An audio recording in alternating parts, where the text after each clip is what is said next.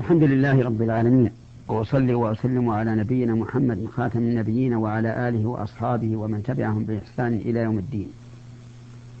أما بعد أيها المستمعون الكرام نبدأها بما انتهينا إليه في قوله تعالى لا يتخذ المؤمنون الكافرين أولياء من دون المؤمنين ومن يفعل ذلك فليس من الله في شيء إلا أن تتقوا منهم تقاتا ويحذركم الله نفسه وإلى الله المصير. قوله لا يتخذ هذا نهي. ومعناه يجعل. والمؤمنون فاعل يتخذ والكافرين مفعولها. أي لا يجوز. أي لا يجوز للمؤمنين. أن يتخذوا الكافرين أولياء من دون المؤمنين. أولياء يعني يتولونهم بالمعونة والنصرة وما أشبه ذلك. فيتخذون الكافرين أولياء ويدعون المؤمنين.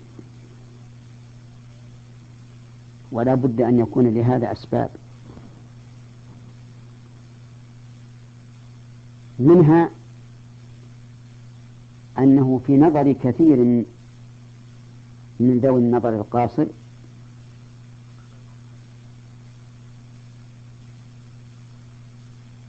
إذا رأى تفوق الكافرين في الأمور المادية وهي الأمور الدنيوية أعرض عن المؤمنين وجعل وجهه إلى الكافرين.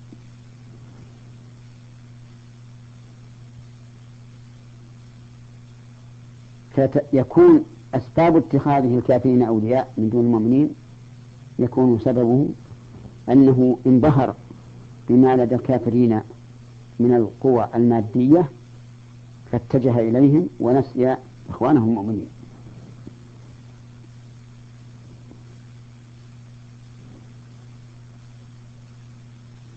ومن يفعل ذلك فليس من الله في شيء أي من يتخذ الكافرين أولياء من دون المؤمنين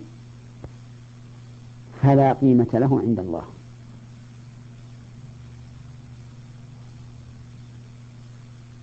ليس من الله في شيء. ولا عهد له عند الله ولا ذمة له عند الله. قال إلا أن تتقوا منهم تقاتا يعني إلا في حال تخافون على أنفسكم وتعملوا ما تتقون به شرهم دون اتخاذهم أولياء. وعلى هذا فالاستثناء هنا منقطع. يعني لكن إذا اتقيتم منهم تقاتا فلا حرج عليكم. من دون أن تتخذوهم أولياء. ويحذركم الله نفسه. وإلى الله المصير. يحذركم أي يخوفكم. وينذركم. الله الله جل وعلا نفسه أن يعاقبكم. إما عاجلا وإما آجلا ولهذا قال وإلى الله المصير أي المرجع. في جميع الأمور الشرعية والقدرية فهو الذي يحكم بين عباده في شرعه ويحكم بين عباده في قدره عز وجل. يحكم بين عباده بالشرع ويحكم في العباد بالقدر. وفي هذه الآية الكريمة من الأحكام الشرعية تحريم اتخاذ الكافرين أولياء من دون المؤمنين.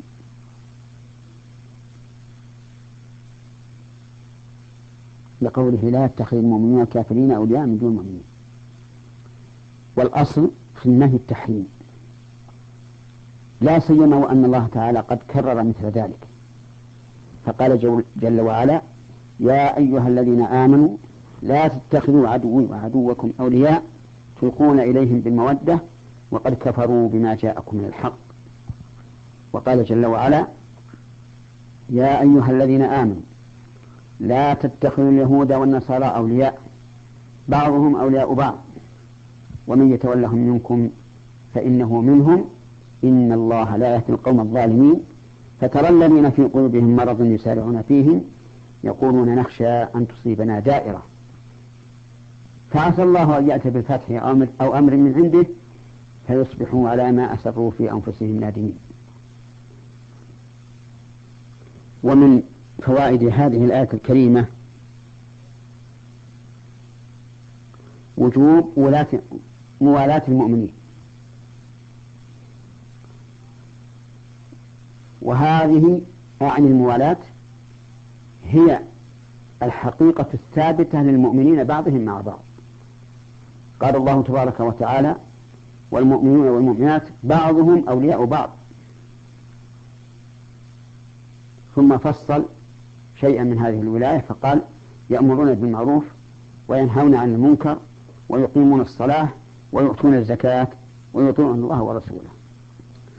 ومن فوائد الآية الكريمة عقوبة من اتخذ الكافرين أولياء من دون المؤمنين وهو أنه ليس له عند الله عهد. فيوكل إليهم أي إلى هؤلاء الكافرين. ومن وكل إلى غير الله فقد خاب وخسر. ومن فوائد هذه الآية الكريمة جواز مداراة الكفار على وجه لا يصل إلى الموالاة. لقوله تعالى إلا أن تتقوا منهم تقاتا وكما ذكرنا في التفسير أن الاستثناء هنا منقطع أي أن هذه التقاة ليست من الولاية. التي نهى الله عنها. ومن فوائد هذه الآية الكريمة بل من أحكامها وحكمها تحذير الله تعالى العباد نفسه أن يعاقبهم. إذا إذا عصوا الله عز وجل باتخاذ الكافرين أولياء من دون المؤمنين سواء كانت العقوبة عاجلة أم آجلة ومن فوائد هذه الآية الكريمة والفوائد من الأحكام.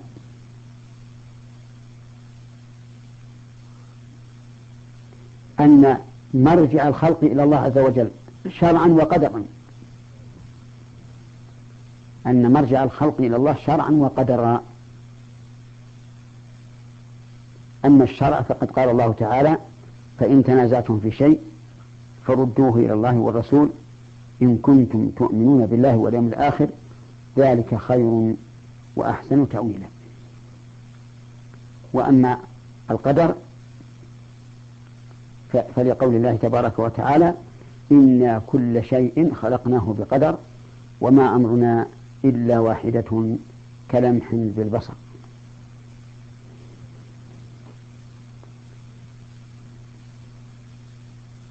ولهذا يجب يجب على الإنسان إزاء قضاء الله وقدره أن يرضى ويسلم بقضاء الله وقدره.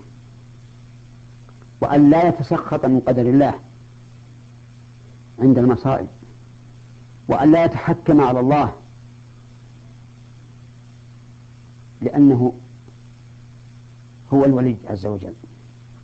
وفي مقام الشرع يجب أن يكون التحاكم إلى الله ورسوله. وأن يكون الحكم فيما حكم الله به ورسوله. ولا يحل لأحد أن يخرج عن هذا. أسأل الله تعالى أن يجعلنا من المحكمين لشريعته الراضين بقضائه وقدره. إنه على كل شيء قدير. والحمد لله رب العالمين.